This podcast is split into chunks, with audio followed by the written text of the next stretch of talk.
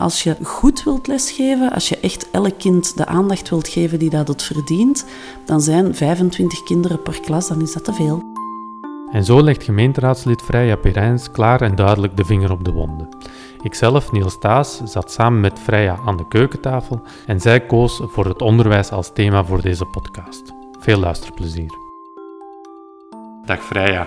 Dag Niel. Jij bent mijn, nu moet ik even nadenken, het derde gemeenteraadslid na Ikram en Joris. Jij zit er van in het begin al bij. Ik zit er al 18 jaar. 18. Ik was 2012 aan het denken, maar 18 moet ik het sinds 2000. Jij bent de groene draad door onze fractie. Wauw, oh mooi dat je dat zo zegt. Wat zijn zo de thema's waar je altijd mee bezig geweest bent? Onderwijs is mijn oude liefde En en een hetgeen, mijn dada en hetgeen waar ik altijd mee bezig ben geweest. Ik ben onderwijzeres, Mhm. ondertussen ook onderwijswetenschapper, maar ik ben daarnaast ook heel erg bezig met verkeersveiligheid, luchtkwaliteit, of eigenlijk gewoon het, ja, alles wat dat je belangrijk vindt als je kinderen laat opgroeien in deze stad. Dat zijn sowieso ook de thema's die de laatste zes jaar best veel aan bod gekomen zijn, denk ik. hè. Ik denk onderwijs, denk ik dan direct aan het hele gedoe rond de inschrijvingen en luchtverkeersveiligheid, luchtkwaliteit zijn super actueel. Ik denk ook de thema's van deze campagne. Ik vraag meestal aan de mensen met wie ik in gesprek ga, neem het programma er een keer bij. Ga eens op zoek naar jouw favoriet idee. Welke thema's ben je beginnen zoeken? Ja, ik ben toch terug naar onderwijs, Onderwijs. gegaan. Heel veel dingen eindigen en beginnen bij onderwijs. En als je mensen kansen wilt geven, als je wilt dat mensen een goed leven kunnen leiden, dan is het onderwijs een springplank. Mhm. Of zou het een springplank moeten zijn? Het tegendeel is heel vaak waar. En wat bedoel je daarmee? Dat, dat de oplossing niet in het onderwijs gezocht moet worden? Of dat het onderwijs faalt om die springplank te bieden?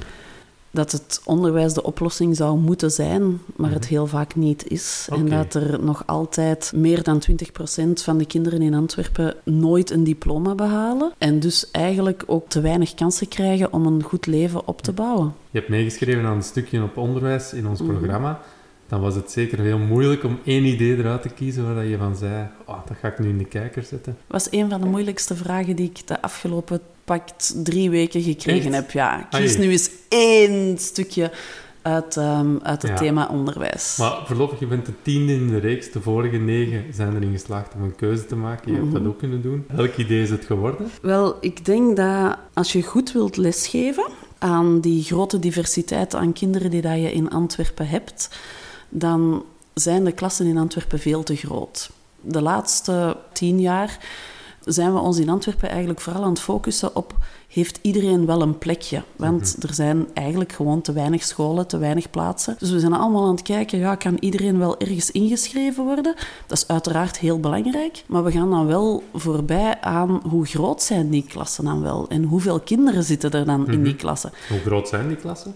Gemiddeld een 25 kinderen per klas. 25. Dat zijn 25 kinderen die allemaal een helemaal andere achtergrond hebben, die, waarvan er heel veel kinderen zijn met een bepaalde met problemen thuis, met, die niet allemaal het Nederlands als thuistaal hebben en waar dat je toch als leerkracht gewoon aan moet lesgeven. Uiteraard, een van de strijdpunten van Groen is om dat getal naar beneden te krijgen. Mhm.